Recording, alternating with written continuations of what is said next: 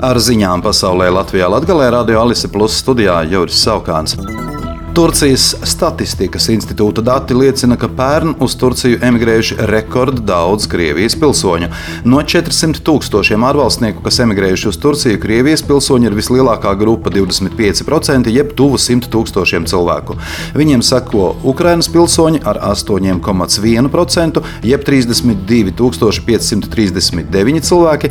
Salīdzinot ar 2021. gadu, Krievijas pilsoņu skaits, kas Turcijā saņēmuši uzturēšanās atļauju, pieaudzis pieaudzis par 77%. Ekspertu komanda šodien no Baltijas jūras izcēlusi 1994. gadā nogrimušā prāmja Estonija priekšgala rampu. Par to informē Igaunijas sabiedriskā raidorganizācija ERR, kuras reportieris klātienē vēro misijas darbu. Rampu ar izpētes kuģi Viking Reach iecerēts nogādāt Paldisku dienvidu ostā Igaunijā. Izpētes komandā ir Igaunijas un Zviedrijas eksperti, kā arī divi katastrofā izdzīvojušie. Daugopils pašvaldības rīkotās nekustamā īpašuma izsoles drīzumā norisināsies elektroniski, izmantojot tiesu administrācijas elektronisko izsoļu vietni. Par to informē pašvaldības komunikācijas nodaļa. Daugopils pašvaldības atsevināmo nekustamo īpašumu elektroniskas izsoles organizēšanas vispārējā kārtība apstiprināta domas sēdē 13. jūlijā. Informāciju par izsolēm Daugopils pašvaldība publicē pašvaldības interneta vietnē www.daugopils.lv sadaļā izsoles izdevumā Latvijas vēstnesis, kā arī reģionālajā laikrakstā. Savukārt pašu izsoļu norise līdz šim tika organizēta tikai klātienē. Tagad Daugopils pašvaldība noslēgusi līgumu ar tiesu administrāciju par elektronisko izsoļu organizēšanu tiesu administrācijas elektronisko izsoļu vietnē. Pašvaldība uzskata, ka tas ļaus paplašināt pretendentu loku, jo tie izsoles norisē varēs piedalīties tiešsaistē.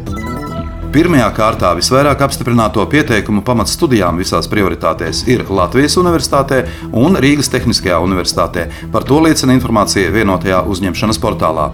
Latvijas Universitātē apstiprināto pieteikumu skaits visās prioritātēs ir 19,764, kā pirmā prioritāte kādā no Latvijas Universitātes studiju programmām apstiprināti 4694 pieteikumi. Savukārt Rīgas Tehniskajā Universitātē apstiprināto pieteikumu skaits visās prioritātēs vakar sasniedz iesniedza 12,156 pieteikumus, kā pirmo prioritāti norādījuši 2337 studēt gribētāji. Daugopils Universitātē savukārt līdz pirmdienas pēcpusdienai bija apstiprināti 1254 pieteikumi. Elektroenerģijas tirgotāju šogad gandrīz septiņos mēnešos klienti mainījuši 41,688 reizes, un tas ir par 12,8% mazāk nekā pērn attiecīgajā periodā. Šādi dati publiskoti sadales sistēmas operatora sadales tīkls elektroapgādes pārskatā.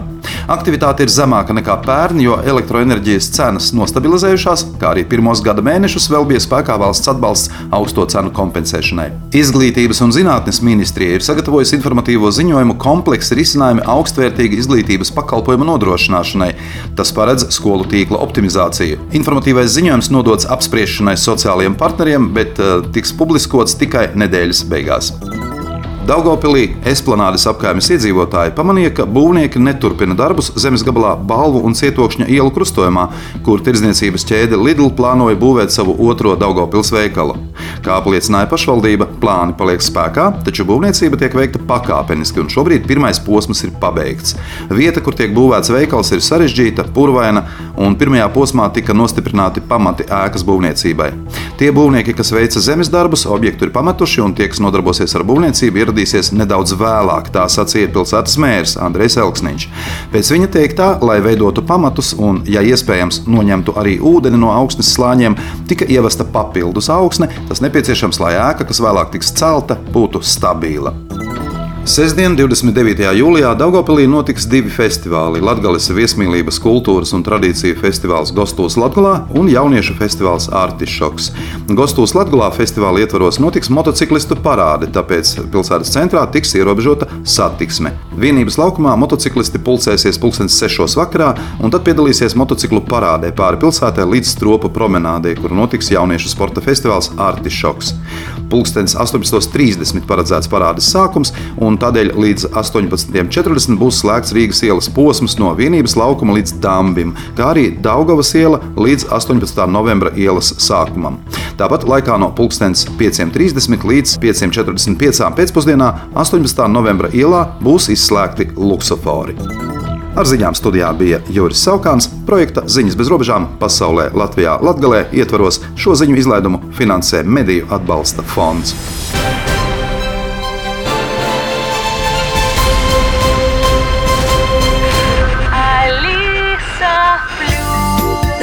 ti o.